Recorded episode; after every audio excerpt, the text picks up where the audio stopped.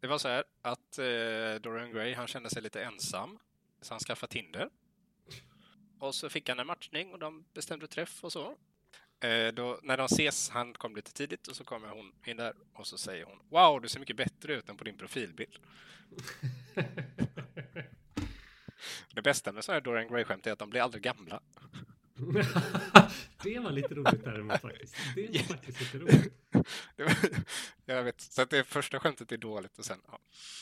Och så blev Det det, här är också första gången av dessa tre avsnitt som jag faktiskt tycker att du har varit lite rolig. Det, det bästa, eller jag tänkte på det, varför matchade hon med honom då om man ser så jävligt bilden? Ja, det finns en logisk lucka, det gör det.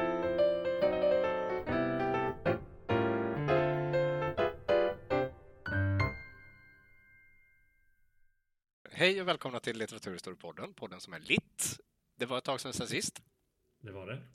för vi har andra saker för oss i vårt liv också, än att, än att prata med varandra. Ty- ty- Tydligen är det ju så faktiskt. Ja, nej men det, det har varit, vi tog jullov kan vi säga. Ja, det kan man verkligen säga. Ja, nu sitter vi här sista dagen på, på vår ledighet och, och spelar in. Lider. Ja. Ja, och då... Vi har väl lidit lite också när vi har läst det som vi ska prata om.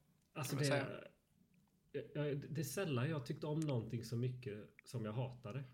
Nu har jag verkligen gjort det. Det har Ja. så jobbigt att läsa det här. För jag försöker ju alltid, alltså under tiden vi läser så försöker jag göra så att inte prata så mycket med dig om, om det vi läser. För att det, jag tänker att det blir bättre. Ja, det, det, det är ju Ja. min filosofi i livet i allmänhet. Att prata så lite som möjligt. Ja. Men vi, pratade ändå lite där, eh, ja, mellan dagarna. Ja. Och då, då sa jag att det är en underbar hatkärlek. Det är en jättebra beskrivning av boken. Ja, för jag tycker också den är ju, vi kommer ju till det, men den är, det är ju både bra och dålig. Ja. Nej, men det, det, det, det, det små, nej, jag tar tillbaka det. Stora ändringar skulle kunna göra boken så mycket bättre. Ja, jag fattar inte. Alltså han måste varit väldigt bra på allt annat han skrev för att ha blivit så känd. Men är inte det detta han är känd för nu? Nu? Jo, jo det är ju det som... Ja, han är känd för mycket annat. Jag kommer Ja, till det när vi går igenom hans liv. Det är ju boken Dorian Grays porträtt av Oscar Wilde. Ja, återigen eh, inom kursivt och citattecken och allting. Skräcklitteratur. Ja, ja. Verkligen. Det är inte det läskigaste jag har läst den här gången heller faktiskt. Jag har en tanke om det eh, som vi tar sen. Ja, behåll den. Ska jag ta hans liv? Vi kör igång helt enkelt. Ta hans liv, gärna. Och nu med... Jag kommer slakta eh, engelskan här. Ja, det är helt okej. Okej, Oscar Fingal och Flaherty Wills Wilde. Åh nej, stackars pojk. Ja. Ja, det var en man med ett för långt namn. ja. Eh, och det hade inte alls fungerat om han ville bli en författare som folk kommer ihåg, så han nöjde sig med bara Oscar Wilde. Han valde inte Fingal alltså. Konstigt. Eller O'Flaherty. Eller Wills. Ja, han hoppar Nej. över allt i i mitten där. I alla fall, Oscar Wilde föddes i Dublin, drömmarnas stad. Underbar stad. Eh, 16 oktober 1854. Och hans föräldrar var det som så fint heter intellektuella. Ja. Hans pappa, William Wilde, han var på den tiden Irlands bästa ögon och örakirurg. Ja. ja.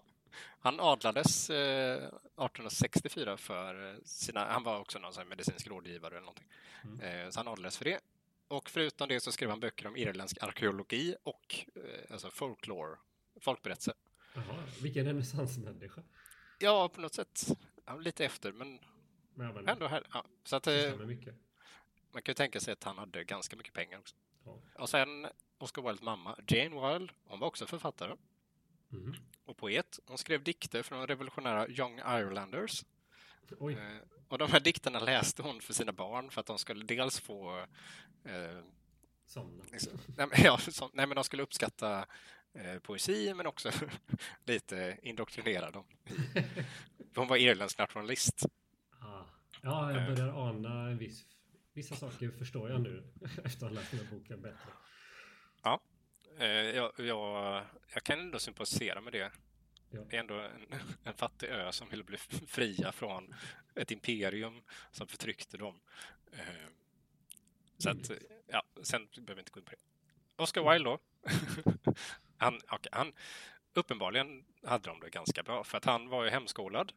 Mm. Eh, så han lärde sig tidigt både flytande franska och tyska. För han hade en fransk eh, barnskötare och så en tysk guvernör eller vad det, det heter. Det är så mycket sådana titlar förr i tiden som liksom inte, det är svårt att översätta till modern tid. Ja, det, det finns inte så, kanske så mycket längre av det. Nej. Men i alla fall, fram till nio års ålder då, så hemskolad och sen så fick han, sen började han liksom, vad ska man säga, vanlig skola. Det var inte alla som kunde utbilda sig, men han fick utbilda sig och sen då en ordentlig utbildning både på Trinity College i Dublin och sen Oxford. Mm. Eh, och redan innan han började på universitetet så blev han lite känd på, på skol, bland sina klasskamrater. Både då för att han drog vitsiga historier, men också för att han kunde läsa väldigt snabbt. oh, Ja, men han, vi kommer till men han, han var väldigt bra på språk. Mm. Eh, och läsa. Ja, för klasskamraterna påstod att han kunde läsa två sidor samtidigt eh, och dra igenom en roman på en halvtimme med tillräckligt god förståelse då för att kunna redogöra för i alla fall grunden i berättelsen. Och sen var han ju en jävel på litterära klassiker, för det, det var lite hans fokusområde. Mm. Han vann priser för att muntligt översätta grekiska och latinska texter. och sen, ja, när han, eh, jag kommer inte ihåg hur gammal han var, men han började på Trinity College och där läste han klassiker och pluggade litteraturhistoria. Mm. Eh, och där vann han också priser och stipendier för att han var så jävla bra på det här. Och sen då under den tiden så blev jag också lite sugen på det här med skoja kläder och hemligheter och ritualer. Man måste ju sticka ut. Så han ansökte till frimurarorden vid Oxford. Såklart han gjorde. Och där blev han antagen. Mm. Eh, men det var någonting, han sysslade bara med det medan han pluggade. Eh, för sen blev han utesluten för han betalade inte medlemsavgiften. oh, dessa snutare. Och på Oxford, Oxford så blev han också känd för hans roll i de estetiska och dekadenta rörelserna som fanns på den här tiden. Eh, och det kommer vi se drag av senare. Ja, jag tänkte, jag tänkte säga det. Jag börjar ana vissa nu beröringspunkter mellan Dorian Gray och Oscar Wilde. Ja. Och den dekadens som han hängav sig åt här då var att han hade långt hår. Eh, men han förkastade manliga sporter. Eh, även, om, även om han höll på med boxning då. då. Jaha. Och sen så höll han på att dekorera sitt rum då med påfågelfjädrar, liljor, solrosor, blått porslin och andra konstföremål. Eh, så det är här han börjar odla myten om sig själv, helt enkelt. Ja. Och sen efter studietiden då så återvände han till Dublin och där träffade han Florence Belcombe som han har varit förälskad i som barn. Hon förlovade sig med Bram Stoker faktiskt Ja. eh, och gifte sig och då blev han besviken och bestämde sig för att återvända till England för gott. Mm. Så att han drog från Irland. Han, han stannade faktiskt i England, eller undvek Irland. Återvände bara två gånger på korta besök Mhm. eh, från 1878. Och i London, återigen, Jävla London. Ja. eh, ja, så där blev han uppskattad av societeten. Nämen. Och han bodde hos en målare. Nämen. Eh, och här höll han på och skrev dikter. Eh, de publicerades i olika tidningar, exempelvis universitetstidningen i Dublin. ja. Och som 27-åring gav han ut bok, boken Dikter, som var en samling eh, han hade redigerat och så, samlat sina dikter. Och den sålde slut. Mhm. Visserligen bara 750 upplagor, Okej. men ändå.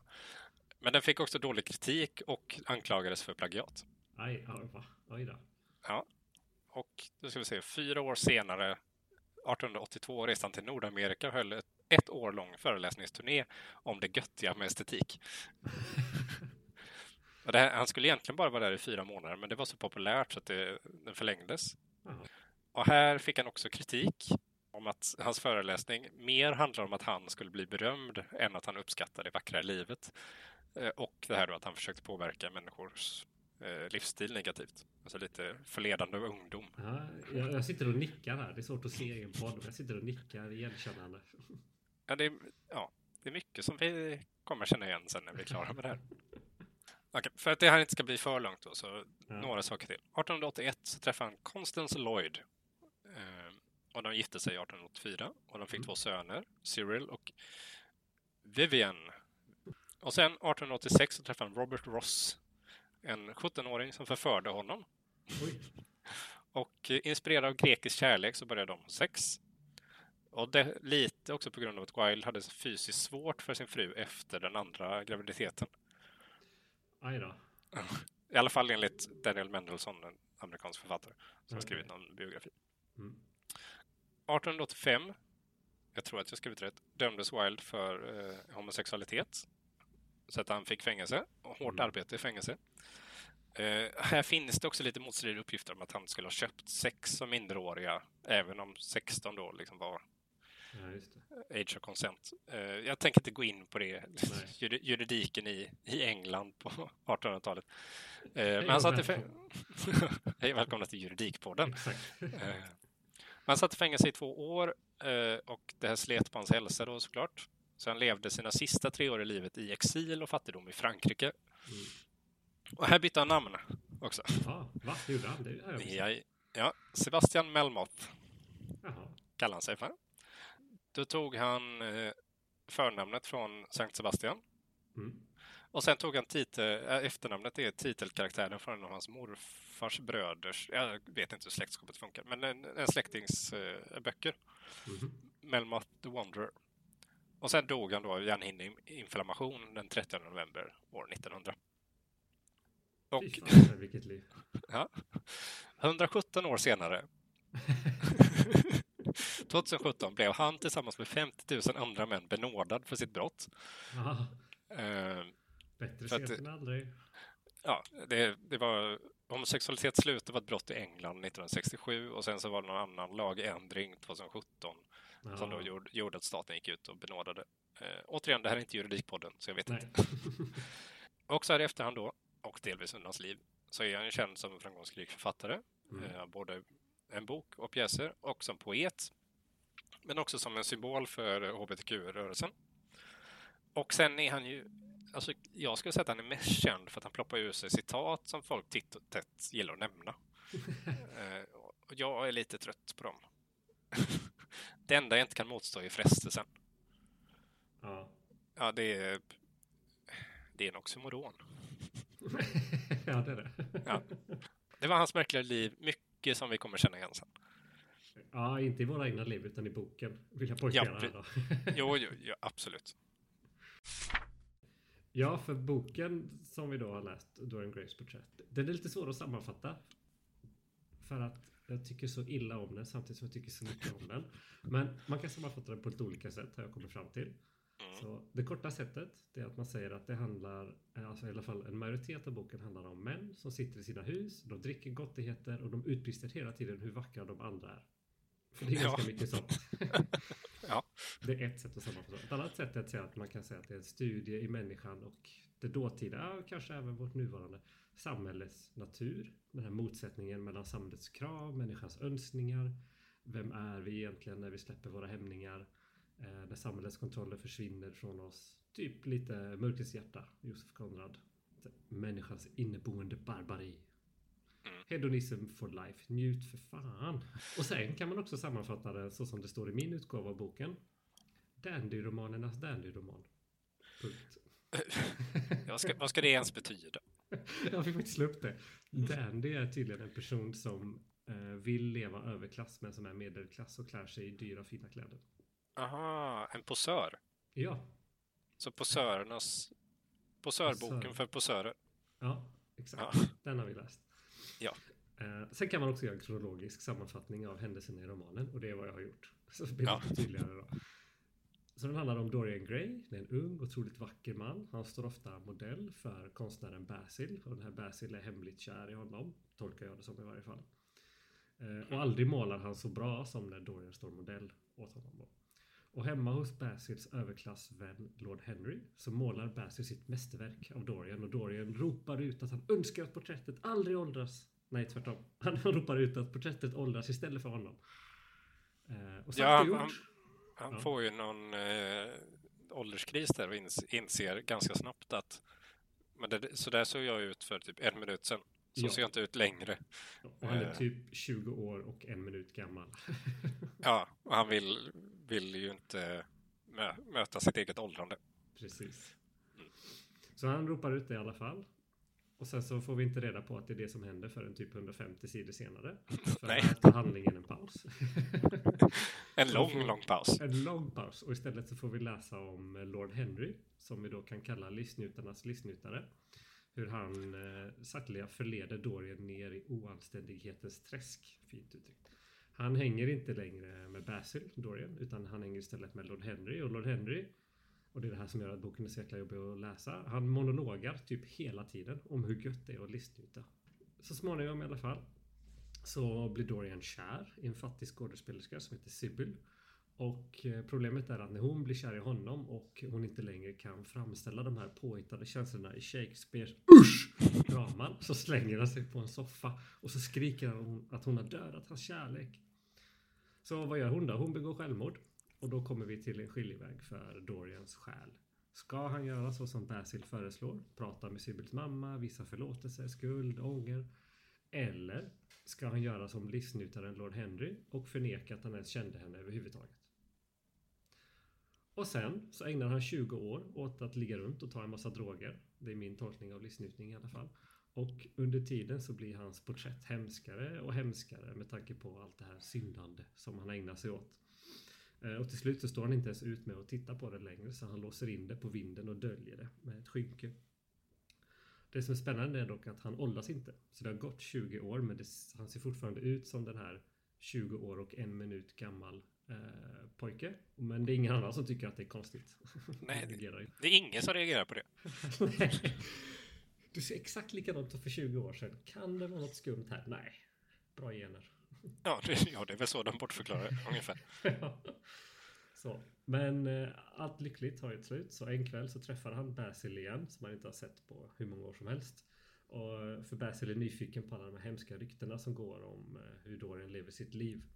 Och Dorian, eh, han får ryck och tar med honom hem och så visar han honom det här hemska porträttet och hur det är liksom en återspegling av hans riktiga själ och sådär. Eh, och Basil känner inte igen porträttet han ens målade för att det är så himla fult och hemskt jämfört med det här fina som han målade. Eh, tills han ser sin egen signatur. Och då inser han ju att det Dorian faktiskt har sagt stämmer och han ber och bönar att Dorian faktiskt ska be om frälsning. Eh, men Dorian, som han är, han skyller istället sin orena själ på Basil och mördar honom istället. Och sen ringer han en vän, så precis som på eh, Vem vill bli miljonär? Och den här vännen bränner upp kroppen och sen begår den här vännen också självmord. Snipp, snapp, slut. Nästan. För eh, till slut i alla fall så får han nog Dorian och så bestämmer han sig för att han måste förstöra det här porträttet som visar hans sanna jag då. Så han hugger i det med en kniv. Och sen så går det en liten stund och så kommer betjänterna upp för de hörde en massa ja, oljud.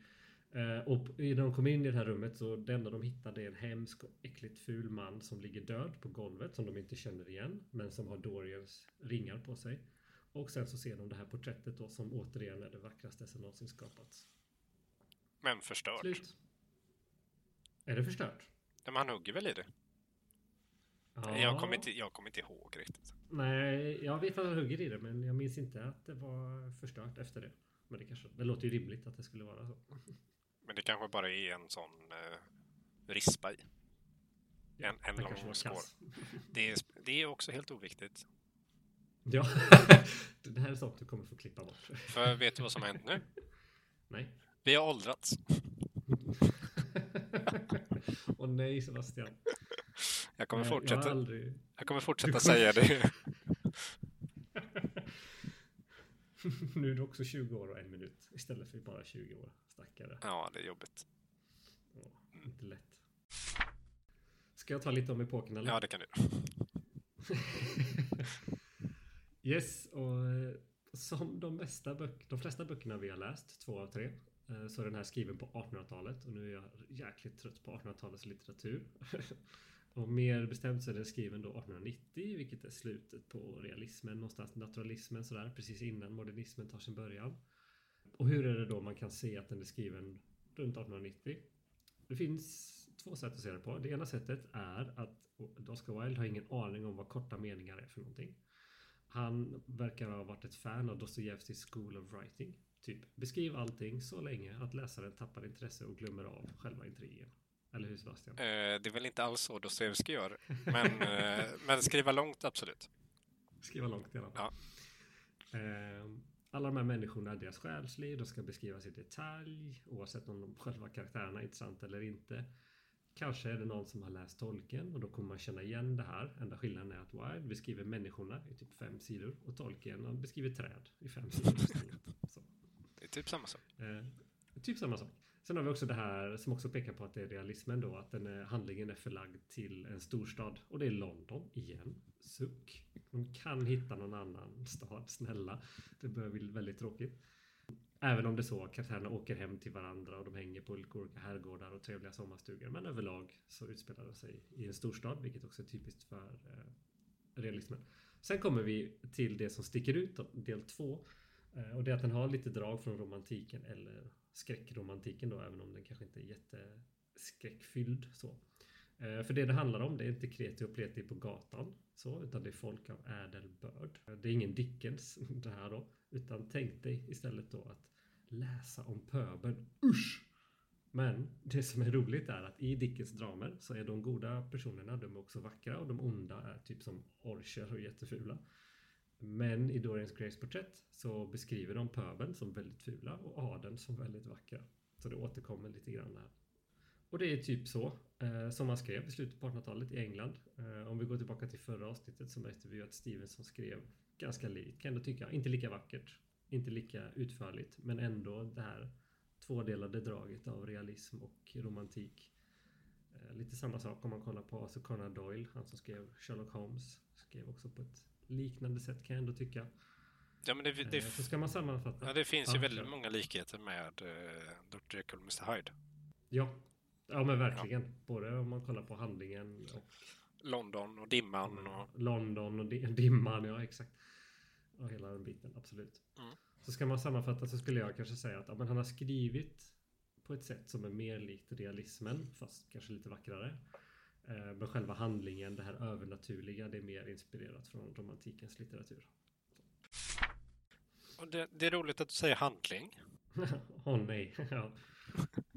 För, eller handling, det finns ju en handling såklart. Mm. Men jag, för någon som har läst så mycket klassisk litteratur och så. Ja. Borde inte han känna till den dramaturgiska kurvan? Ja, men det här är en tanke om. Men säg det ja. du vill först. Nej, jag tycker att det saknas. Det tycker det saknas. Ja, för det jag funderar på är i mitten där, när, eh, när romanen spårar ut helt och fullt. Ja. Ingen aning vad som händer. Eh, jag ska se om jag kan hitta mina anteckningar någonstans. Ja, men när han går ner i fördärvet då, när, innan det här tidshoppet på 20 år. Det är liksom ja. sidor på sidor om hur han testar en massa olika saker.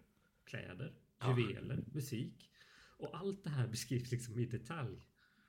Och det är helt meningslöst.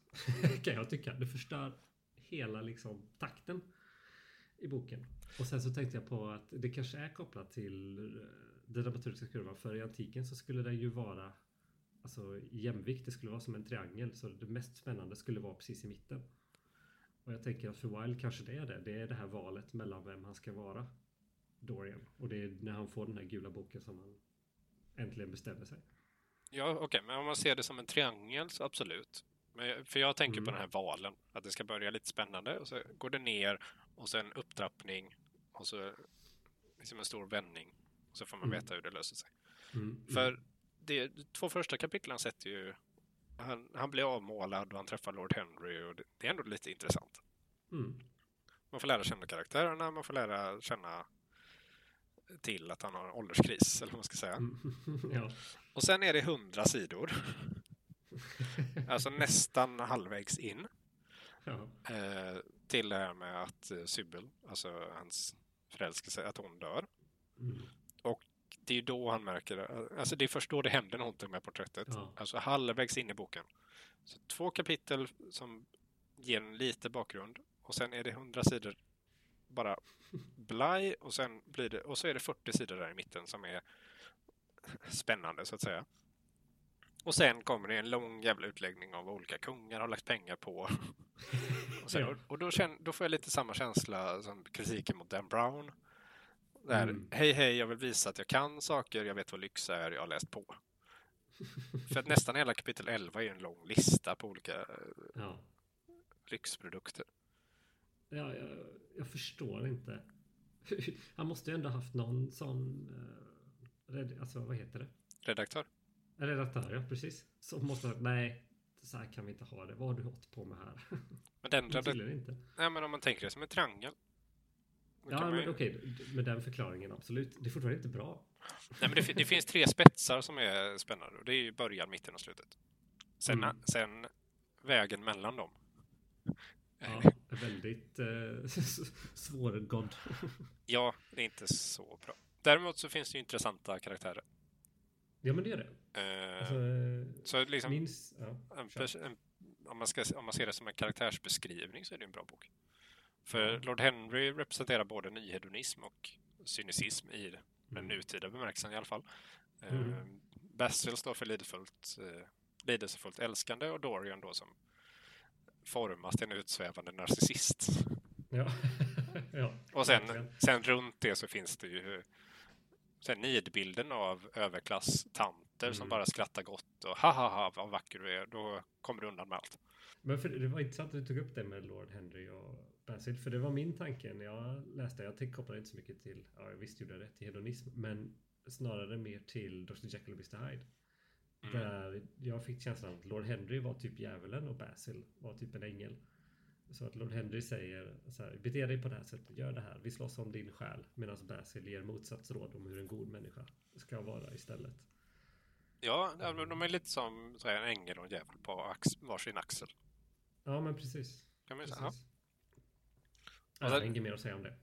Nej, men det, alltså, det finns ju an- det här. Det var ju samma sak i Dr. Jekyll och Mr. Hyde att gubbar som sitter hemma och dricker sprit och äter, äter Ja. mat.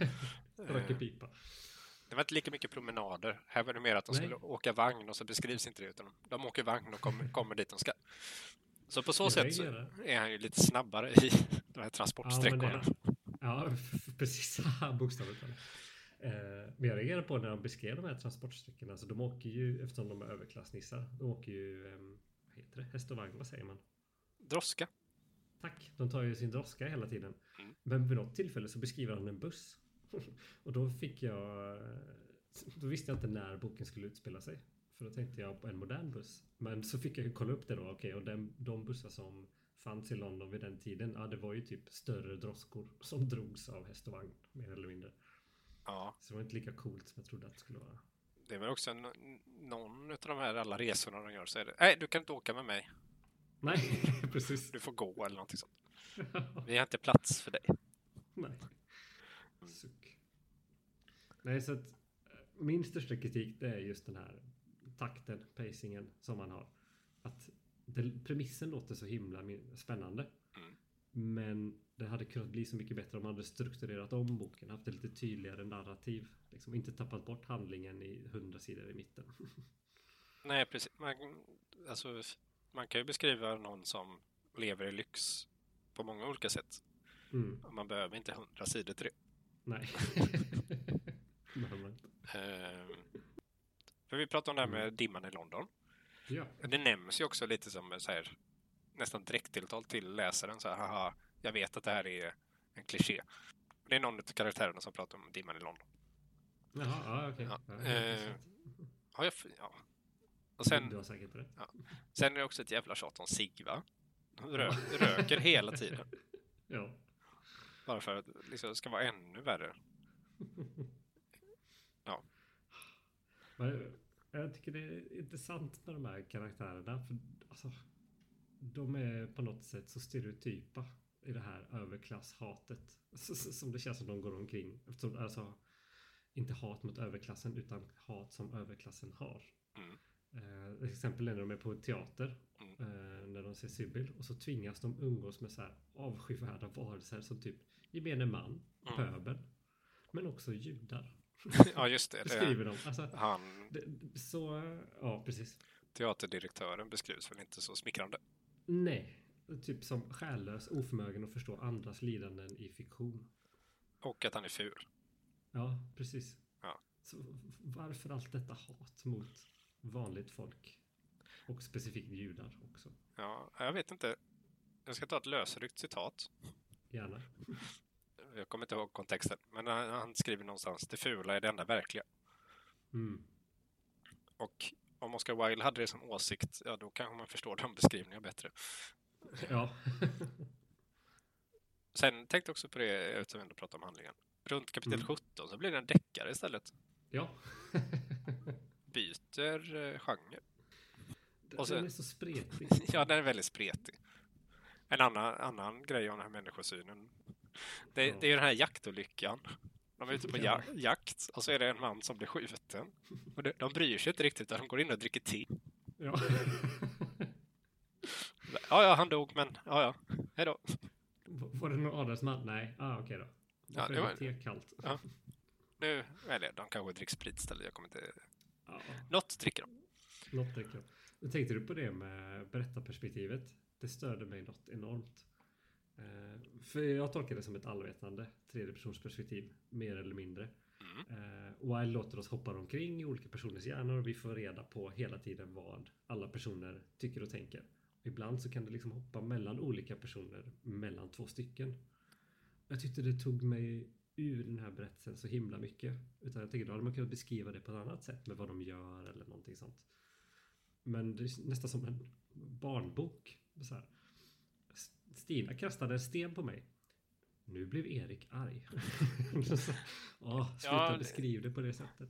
Det är, det är lite en förenkling du gör, men absolut. Det, Ja, men det är det. Mm. den, är, den är lite så på näsan. Ja, Sen, just att man hoppar. Ja. Så vi, vi tycker inte... Eller, det är ju en underbar hatkärlek. På, någon, Ja. på något sätt så är den ju också bra. Ja, ja, vi har bara tagit upp det negativa, vilket är innehållet. Ja, men det, det finns eh, kvickheter i språket som gör att... Alltså, på något sätt är det ju en, en lång dikt med olika versmått hela tiden. Ja. Nej, men den den är fantastiskt skriven, det är den verkligen. Det tycker jag. Han säger någon sån här, med drag som bar på spår av en utomordentlig fulhet. Ja. Alltså inte bara en vanlig fulhet, utan en utomordentlig fulhet. Det är så himla roligt. Eller då, de stiger upp tidigt för att de har så mycket att göra och lägger sig tidigt för att de inte har något att tänka på. Ja.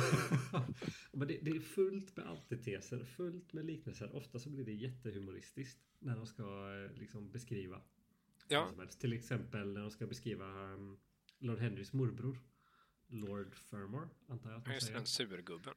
Surgubben, ja precis. Och d- han beskrivs också typ två sidor. Så jag har kortat ner det här citatet lite grann. Mm. Men så här beskrivs Lord Fermor. När han några månader senare ärvde titeln efter sin far hängav han sig åt ett allvarligt studium av den stora aristokratiska konsten att göra absolut ingenting. Ja, ja men det, det är ju sant. Rimligt. Och sen så fortsätter det. I politiken var han Tory, utom när Torypartiet befann sig vid styret, då, kallade, då han kallade medlemmarna ett radikalt pack. Han var en hjälte för sin betjänt som tyranniserade honom och en skräck för de flesta av sina släktingar som han i sin tur tyranniserade. Endast England hade kunnat frambringa ett sådant original och han påstod alltid att landet gick åt fanders. Hans principer var helt urmodiga men hans fördomar var berömvärt tidsenliga. Jag, jag gillar rätt att endast England kan frambringa Ja. ett sådant original. Det, Det är fantastiskt. Det stämmer ju också, men det är fantastiskt. ja, men den är ju väldigt engelsk på det sättet. Att det, är, alltså, det är ju original allihopa. Ja, ja det är det verkligen. Du, för karaktärerna är så, jag vet det kanske inte är typiskt engelskt, men det är typiskt 1800-talets litteratur. De är så, de är så dramatiska.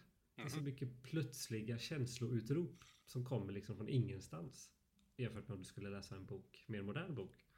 Ett exempel på det är när Sybil, Dorians fästmö, eh, träffar sin mamma och så är det beskrivet så här i boken. Kyss mig mamma, sa dottern. Hennes blomstrande läppar berörde de vissna kinderna och tinade upp deras kyla. Barn, lilla, kära barn, ropade Mrs Vane och tittade upp mot taket som om hon sökte en galleripublik. Alltså de verkligen skriker ur sig sina känslor. Men de är ju också skådespelerskor, de två. Ja, Lite- men inte Dorian. Nej, men det är lite att Och de två Dorian- lever, Ja, de lever ju i sin egna de värld. lever, de lever sina yrken. Han lever sina yrken. De är, vad heter det? Aptonym. Aptonym. Ja. De är levande aptonymer. Ja. Men likadant också när Dorian blir så besviken på Sybil för att hon eh, inte lyckas prestera lika bra när hon eh, eh, framför sina teaterpjäser. Så säger han, han slänger sig på soffan och gråter och så skriker han till henne att hon har dödat hans kärlek. Mm. Det, var, det var ju mer Ja. att han var ju förälskad i karaktärerna som hon spelade. Ja, Det var inte så mycket hon egentligen. nej, det var inte det. Men det är så dramatiskt att slänga sig på soffan och säga det här. Men, Det känns inte som folk gör så idag. nej, jag kan tänka mig att han lägger så handen för pannan också. Ja. Det ska vara... Det är mycket suckar. Ja. Han slänger sig där. Ja, precis. Kommer du ihåg vem av karaktärerna som hade rött hår? Oh, Är, är det någon av... eh, ja, ge mig alternativ. men jag, nej, jag kommer inte men jag tror att det är om det är Sybil eller eh, hennes mamma eller någon. Ja, det är någon av de bikaraktärerna. va? För då har de Nej, venetianrött hår. Det var något jag hängde upp mig på. Är det så man beskriver det? Tor? Nej, det gör man inte för det är en väldigt, väldigt kraftig röd färg. Mm. Eh, jag skulle inte säga venetianröd, jag skulle säga brandbilsröd. Brandbils. Det är ingen, inte ens de som färgar håret rött har brandbilsfärgat hår. Men, nej. nej, Nej, det är hexadecimalkod C80815 för de som undrar. det är klart de har gått och kollat upp det här. Ja, men jag, behöv, Det jag undrade vad är venetianrött så jag sökte på det och kom det upp. Ja. Det är brand, brandbilsröd. Om det då är de här levande aptonymerna, det vill säga Sybil och hennes mamma, som är skådespelerskor, kan man inte tänka sig att de har färgat sitt hår med typ målarfärg då? Så att det blir så. Jo, men det är lite som att de åkte till Sverige, hittade någon som målar sin stuga och stoppade huvudet i färgburken. Alltså det är den röda färgen vi jobbar med här. Ja, men jag, jag, jag köper det fullt ut alltså. Jag tycker det är orimligt. Det är de stora känslornas epok. Liksom. Det stora känslor kan också vara de stora färgernas epok. Ja, särskilt. Alltså eftersom vi har nämnt det, det finns ju det här med att han hade påfågelsfjädrar och sånt på sitt rum när han Ja. Absolut, då kan man väl ha en brandbil på huvudet också. Det är inget konstigt med det. Han hade ju långt hår för fan. ja, ja, ja, visst. Han var ju rebell. Dekadent. Dekadent. Jag har en sak till jag vill ta upp. Mm. Eller två saker. Kör. Två saker. Eh, Mhm. Men karaktärerna. Ja. Lord Henrys, ja dels är han ju hedonist. Men, Ja. men han, han beskrivs ju också som cynicist. Mm. Men det är ju den moderna beskriv, beskrivningen. Ja. Alltså, och det, den skrevs ju för över hundra år sedan. Eh, för under antiken så var ju en cyniker någon som levde, skulle leva i dygd. Förkasta vanliga konvention- konventioner. Eh, det gjorde han ju i och för sig. Att han gick emot... Ja. Leva i harmoni med naturen. Och förkasta ägodelar.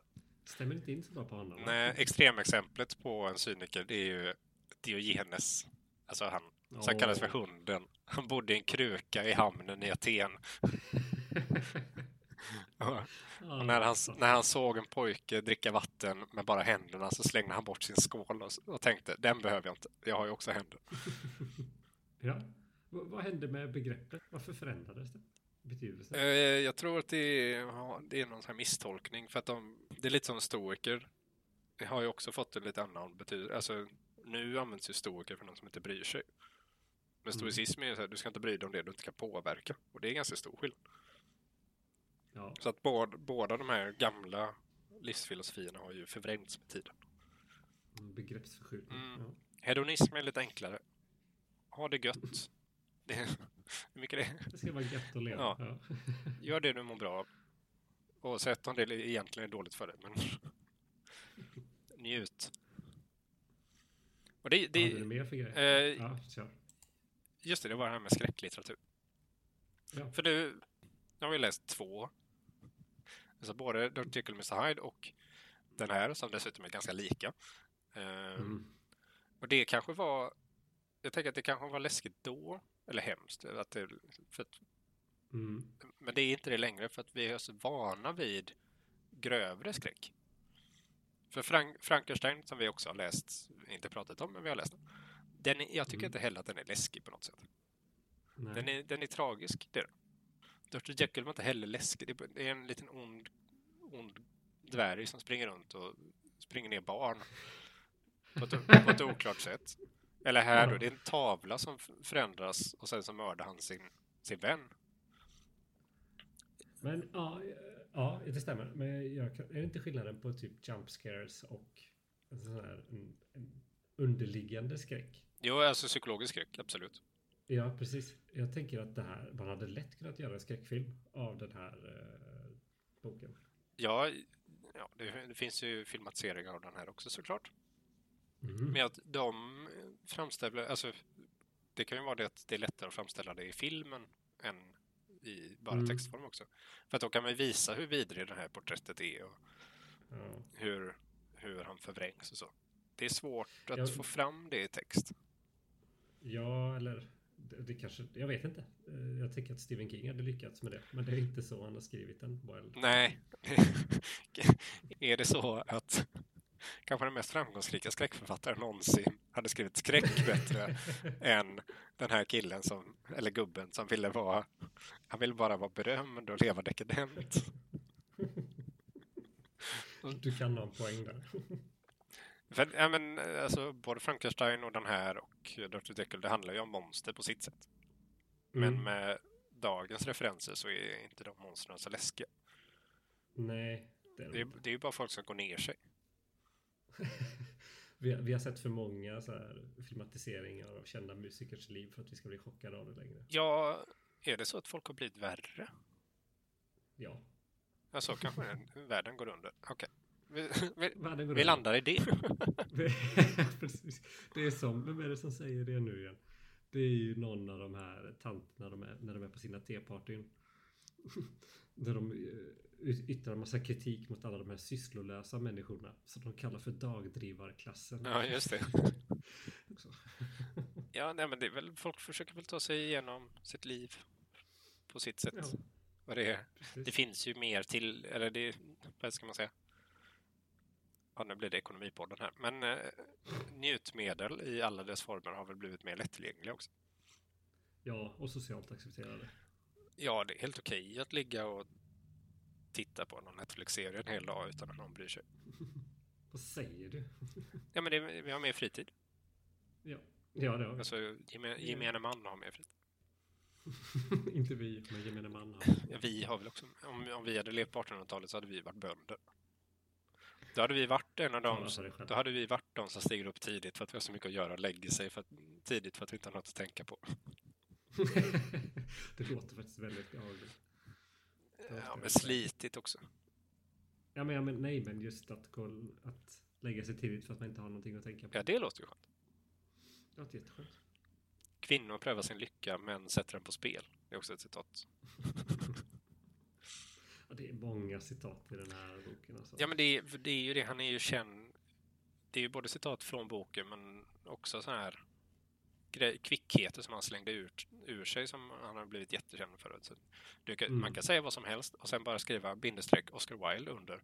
Så går ju folk på det. Trust me bro. Ja. Men det är väl lite, om, och sen om det är något annat som är lite mer smart och som handlar om universum så kan du skriva Einstein och så tror folk att det var han som sa det. Ja, din människosyn är lite dunkel. Men jag är så trött på Oscar Wilde-citat, det är därför. det kan det. Men jag tänker att det är där någonstans vi landar i det också. Att citaten i all ära visserligen, men det tyder ju på att hans språk är ju fantastiskt. Att det är väldigt vackert och skrivet. Ja. Men Det är lite långt. resterande del är lite... Det lämnar en del att önska. Ja, alltså han lärde sig inte metoden kill your darlings. Nej. det kanske var det han gjorde. Han hade bara en. Och han dödade sig själv. Ja, jag tänkte mer språkligt. Ja, Eller så tycker jag, nej. den kanske var dubbelt så lång från början och så har han strukit och strukit och strukit. och så är det det här som är kvar. Ja. Ja, kan. Det, för då hade det originalmanuset hade varit ännu värre. Jag gillar att vi har verkligen dissat den här boken som ändå har beskrivit med hatkärlek. Det är mest hat. Det är inte så mycket kärlek i det vi har sagt nu. Men jag har svårt att sätta finger, eller det, det är väl språket då. Att, att det är det som gör att Ja. den är bra att läsa ändå. För, Ja, för jag tycker ju alltså, om jag den på något sätt. Ja, men jag tycker också om den. Men jag hade ju en fundering att jag skulle läsa den med mina gymnasieklasser. Det kommer jag absolut inte att göra nu. Den är ju inte uppbyggd på det sättet som den låt, verkar vara uppbyggd när man läser baksidan på boken. Jag trodde att det skulle vara lite mer fokus på eh, porträttet. Mm. Alltså det som boken Ja. heter. Det är exakt. En missvisande titel. Ja, Vi får, eh, om vi uppfinner en tidsmaskin då får vi lära honom om den här moderna dramaturgiska modellen tycker jag. men jag ville inte träffa Oscar. Han känns som att han var jättejobbig.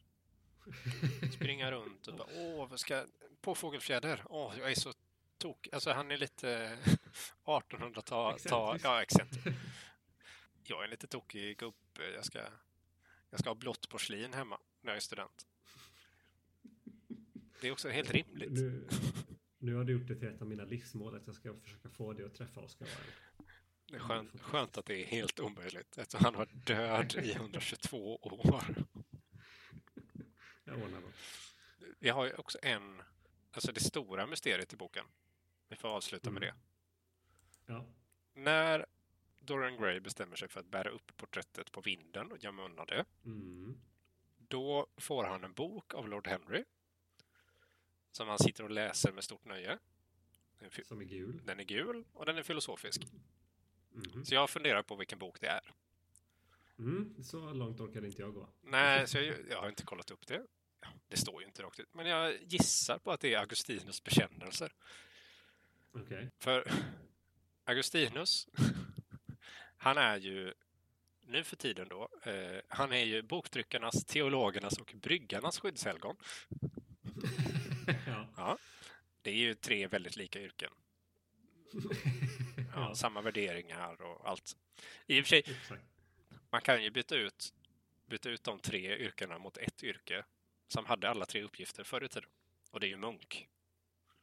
För Ja. munkar Ja, munk. tryckte, tryckte böcker, de var teologer Mm. och de bryggde öl. Mm. Så det, han är munkarnas helgon. Men han, han levde ju syndigt så in i bänken. ja. Och sen, sen blev han troende kristen och reformerades och började leva bra. Och, Mm. och blev då både filosof och retoriker och biskop. Oj. Ja, och sen ett helgon då. Så jag gissar, gissar att det är den här bekännelsen, för i bekännelsen så beskriver han sitt syndiga leverne innan han blir eh, troende. Ah, Dorian läste aldrig hela boken. Så han kom inte till den biten när han började bekänna sig. Nej, han läste bara det. Lev. Allt det roliga. Ja, ja, jo, han lä- läste den roliga biten. Jag gissar att det är den. Ja, jag, jag har ingen bättre gissning själv. Det låter rimligt. Kanske var Dr. Jekyll och Mr. Hyde. Som kom ut ett år senare. Ja. Ja, kanske. Nej, men jag gissar att det var Augustinus bekännelse. Det stora mysteriet i boken. Vilken bok är det han fick? Vilken, det är precis toppen på den här triangelformade dramaturgiska modellen. Ja. Vad är det för bok han har läst som får honom att leva livet? ja, men det är det enda som inte beskrivs ordentligt. Nej, Det- och det, för det, mycket står ju också i, i min version av eh, boken så finns det också em, mycket asterisker och liksom förklaringar i slutet. Men inget om den. Nej, jag tror inte att jag har... Inte ens en gissning. Jag har inget sånt i min bok. Jag fick inget förklarat. du fick lista ut allting Ja. själv. Och det var ju att han försökte då och då leva bra, men han misslyckas hela tiden. Och så tänker han att han ska bli god, men han vill nog inte riktigt det på riktigt. Och så. Nej. Ja. Och så går det som det går. När man ska sammanfatta det så är det ju en underbar hatkärlek. Ja, ja, för jag ångrar inte att jag har läst den. Nej, berättelsen jättedåligt uppbyggd, men det är ändå trevligt att läsa. ja, premissen jättespännande. Språket fantastiskt. Om man bara hade jobbat lite på den här kurvan så hade det varit bättre. Genomförandet. Genomfört, precis. Det är där det fallerar. Ja. ja bra, då har vi avhandlat ytterligare en, en bok från realismen. Ja, snälla låt mig slippa det nu. Ja. Ingen mer bok från 1800-talet. Ja, det dröjer nog ett tag. Mhm. För nästa vecka, eller nästa, nästa avsnitt, Oj. Ja. då ska vi läsa vad då? Då ska vi läsa Bröderna Grimms sagor i urval. Just det, och då kommer vi göra så att vi läser lite olika och berättar för varandra vad vi har läst. Så att vi läser inte samma. Ja. Nej, min plan är att jag ska kolla på Disney-versionen där med Theo. Så kommer jag bara säga att jag har läst originalsagorna. Okej, okay. då tänkte jag att jag läser originalet som är mycket mörkare än Disney. Tror det eller ej? jag skojar alltså. Jag kommer att läsa. Jag vill inte se de här Disney-versionerna. Snälla, låt mig läsa originalen. Nej, jag vill inte heller läsa, eller jag vill inte heller se Disney. Jag har lyckats undvika så mycket Disney i mitt liv. Så att, eh, jag ska fortsätta med det. Vi ska läsa Bröderna Grimms sagor i alla fall. Ja.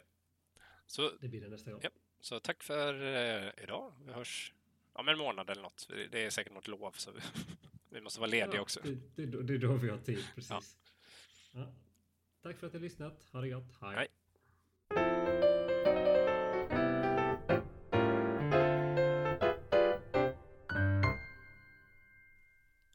Också en sån som slänger ur dig saker som låter smart men som är ganska banalt? Tycker du att du är snygg och vill bevara ditt utseende samtidigt som du också tycker att det är jobbigt med olika ansiktskrämer, att leva ett anständigt liv, att hålla koll på och tänka på kost och sömn och allt sånt tjafs?